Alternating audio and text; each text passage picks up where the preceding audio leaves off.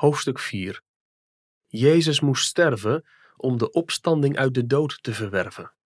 De God nu van de vrede, die de grote herder van de schapen, onze Heer Jezus Christus, uit de doden heeft teruggebracht, op grond van het bloed van het eeuwig verbond, mogen u toerusten tot elk goed werk om Zijn wil te doen.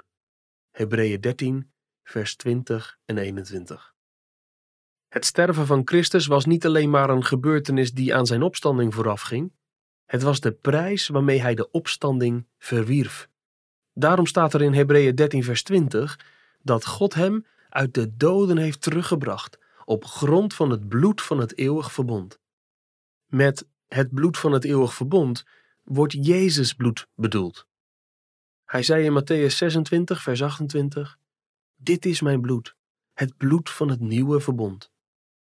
Wanneer de Bijbel spreekt over het bloed van Jezus, verwijst het daarmee naar zijn dood.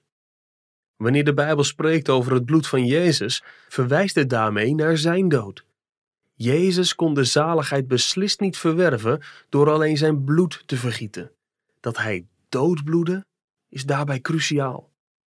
Wat is nu het verband tussen dit vergieten van Jezus bloed en de opstanding? Volgens de Bijbel werd hij niet opgewekt na, maar door het vergieten van zijn bloed. Dat betekent dat wat Christus door zijn dood tot stand bracht, zo volledig en zo volmaakt was, dat de opstanding de beloning en de bekrachtiging daarvan was. Gods toorn was gestild door het lijden en sterven van Jezus.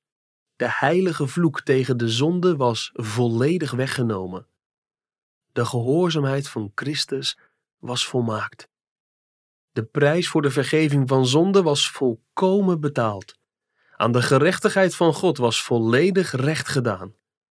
Het enige wat daarna nog moest gebeuren, was dat God dit alles openlijk bekrachtigde. En dat deed hij door Jezus te laten opstaan uit de dood. In 1 Korinthe 15 vers 17 staat: En als Christus niet is opgewekt, is uw geloof zinloos. U bent dan nog in uw zonde. Daaruit moet niet de conclusie worden getrokken dat de opstanding de prijs is voor onze zonde. De conclusie moet zijn dat de opstanding bewijst dat Jezus in zijn sterven volkomen heeft betaald voor al onze zonden. Als Jezus niet was opgestaan uit de dood, dan had God niet bekrachtigd dat hij tevreden was met Christus dood als volkomen verzoening voor al onze zonden. Dan waren wij nog steeds in onze zonde.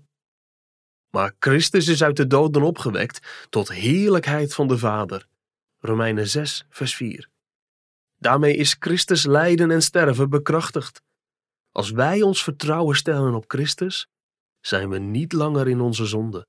Want op grond van het bloed van het eeuwige verbond is de grote herder opgewekt uit de dood en leeft hij tot in eeuwigheid.